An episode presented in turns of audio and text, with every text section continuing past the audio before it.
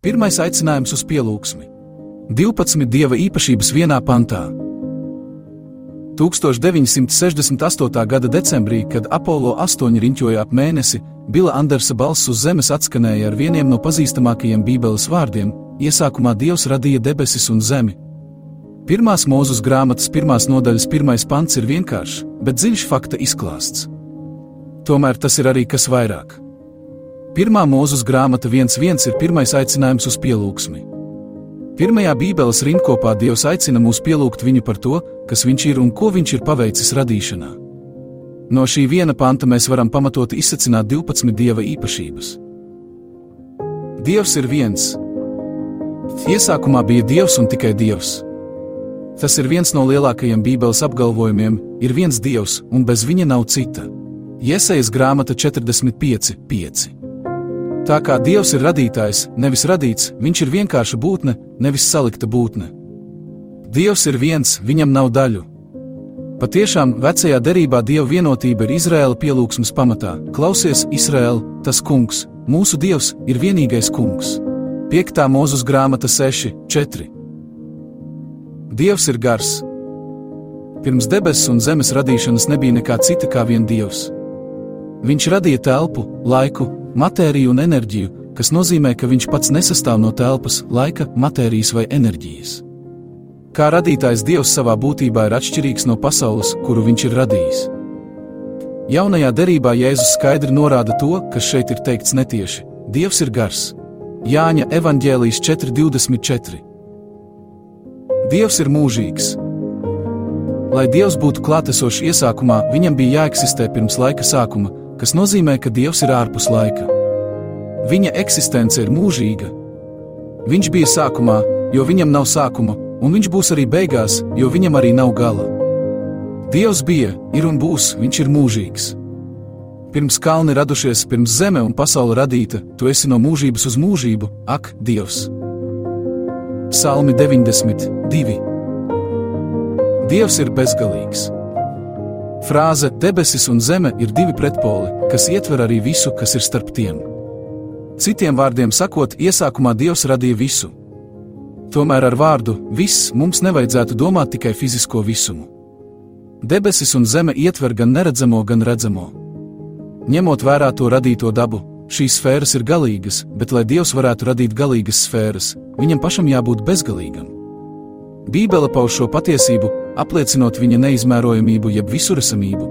Iesaijas grāmata 6, 3, Jeremijas grāmata 23, 23 līdz 24 bet arī norādot, cik neaptverama ir viņa varenība. Liels ir tas kungs un augsti teicams, neizdibināma ir viņa varenība.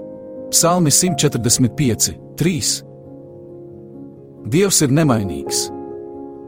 Pirms Dievs visu radīja, viņš vienkārši bija. Tas nozīmē, ka Dievam nebija nekā ārēja, kas varētu viņu mainīt, viņa būtība bija nemainīga visu mūžību. Un pēc tam, kad viņš visu radīja, tā kā visums bija, un ir atkarīgs no viņa, tas nevarēja un nevar viņu mainīt. Dievs ir palicis tāds pats mūžībā pagātnē, un viņš paliks tāds pats arī mūžībā nākotnē. Dievs, kas bija, ir un būs, ir tas pats Dievs. Īsāk sakot, viņš ir nemainīgs.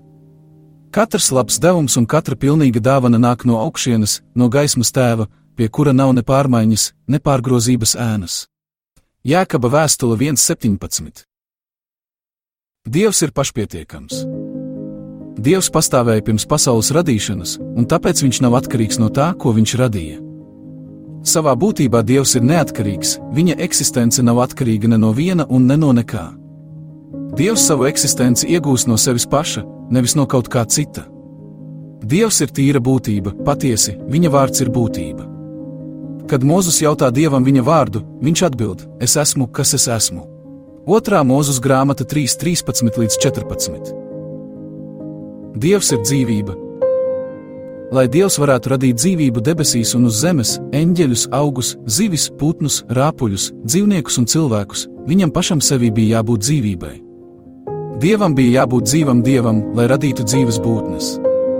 Bībele apliecina, ka Dievs pats ir dzīvība. 1. Jāņa vēstule 5.20.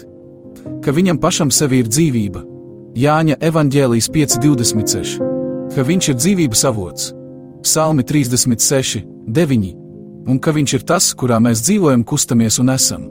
Apustuļu darbi 17,28. Patiešām Dievs pats par sevi saka: Patiesi, ka es dzīvoju mūžīgi. 5. mūzus 32, 40. Dievs ir nemirstīgs.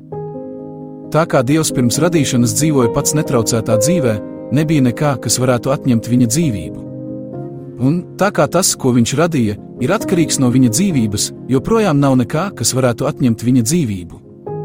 Dievam pašam sevi ir dzīvība, un tas nozīmē, ka nekas ne debesīs, ne uz zemes nevar viņam to atņemt. Dievs nevar mirt. Viņš ir nemirstīgs. Kā Pāvils saka Timotejam, Dievam vienīgam ir nemirstība. Pirmā vēstule Timotejam 6.16. Dievs ir radītājs. Darbības vārds radīt ir diezgan unikāls darbības vārds vecajā derībā. Tas sastopams aptuveni 40 reižu, un tikai Dievs vienmēr ir šī vārda subjekts. Bībelē tikai Dievs rada, un tas ir vēl viens veids, kā pateikt, ka tikai Dievs ir radītājs.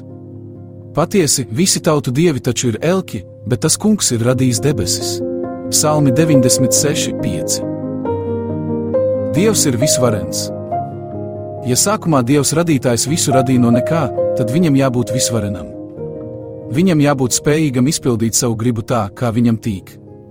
Kā Pāvils apliecina Efeziešu draugai, Dievs spēja darīt daudz vairāk nekā visu, ko mēs lūdzam vai iedomājamies. Tāpēc viņam lai ir gods draudzē un Kristu Jēzu uz augu audzēm mūžu mūžos. Efeziešiem 3:20 līdz 21. Dievs ir viszinošs. Ja Dievs radītājs sākumā visu radīja no nekā, tad viņam jābūt visgudram. Viņam jābūt viszinošam, spējīgam izpildīt savu gribu bez kāda norādījuma vai iejaukšanās.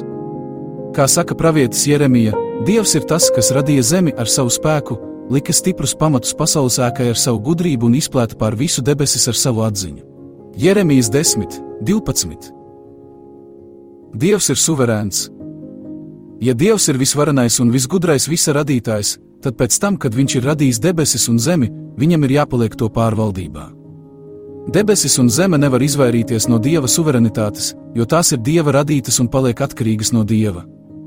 Tādējādi visam, kas notiek debesu un zemes vēsturē, ir jāpaliek dieva suverēnā kontrolē. Es zinu, ka tu visu spēj un tev nav nekāds nodoms neizpildāms. Ieba grāmata 42, 2. Gars un vārds, Mēs varam apkopot šīs 12 lieliskās patiesības par Dievu no 1. mūzus 1.1. vienā teikumā. Dievs ir viens gars, mūžīgs, bezgalīgs, nemainīgs, pastāvīgs, dzīvs un nemirstīgs savā būtībā, visvarens, viszinošs radītājs un visu lietu, gan redzamo, gan neredzamo, debesīs un uz zemes virsvaldnieks.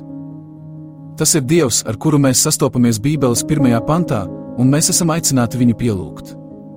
Pielūgsme ir tas, ko dzīvās radības debesīs dara tieši tagad, dziedot: Tu, kungs, mūsu dievs, tu esi cienīgs saņemt slavu, godu un spēku, jo tu esi radījis visas lietas, ar tavu gribu visas lietas bija un ir radītas. Atklāsmes grāmata 4.11. Ja tāda ir debesu radību reakcija, kad tās apcer, kas ir Dievs un ko Viņš ir paveicis radīšanā, tad kādai vajadzētu būt mūsu kā Viņa radību reakcijai uz zemes? Tomēr kristīga pielūgsme ir kas vairāk nekā tikai bezierunu dieva kā visa radītāja bezierunu pielūgšana. Šeit mums var palīdzēt pirmās viens viens sekojošie panti. Pēc sākotnējā radīšanas akta ir teikts, ka dieva gars ir klātesošs. Pirmā viens divi, un tas virmo virs ūdeņiem. Un tad Dievs runā ar savu vārdu, lai veidotu un piepildītu savu radību. Pirmā mūzus 1, 3 līdz 2, 3. Tādējādi mēs varētu precīzi apkopot dieva darbu radīšanā šādi: Iesākumā dievs radīja visu no nekā ar savu vārda un gara starpniecību. Apostolis Jānis šo patiesību izvērš savā evaņģēlīja sākumā, apgalvojot, ka patiešām Kristus, mūžīgais vārds, bija tas, kurš bija klātesošs iesākumā pie dieva un darbojās kā viņa pārstāvis radīšanā. Jāņa 1,1 līdz 5. Līdzīgi par Kristu raksta arī apustulis Pāvils, jo viņš ir neredzamā dieva attēls, visas radības pirmdzimtais, Viņā radītas visas lietas debesīs un virs zemes, redzamās un neredzamās gan troņi, gan kundzības, gan valdības, gan varas. Viss ir radīts caur viņu un uz viņu, bet viņš pats ir pirms visa un viss pastāv viņā. Kolosiešiem 1,15 līdz 17. Tādējādi pirmās mūzus 1,1 līdz 3 ir aicinājums pielūgt Dievu par to, kas viņš ir un ko viņš ir darījis radībā caur Kristu un Kristus dēļ. Slava Dievam! Dieva pielūgsme, protams, ietver daudz vairāk. Taču daži pirmie Bībeles panti sniedz mums kristīgas pielūgsmes sākumu un pamatu. Tāpēc nākamreiz, kad dzirdēs pirmās mūzes grāmatas sākuma vārdus, uztver tos kā dieva aicinājumu nākt un pielūgt viņu caur viņa dēlu un garu. Tas ir tas, ko debesu radības ir darījušas kopš radīšanas sākuma. Slava tēvam, dēlam un svētajam garam, kā tas bija iesākumā, tā ir tagad un tā būs mūžīgi mūžos. Amen.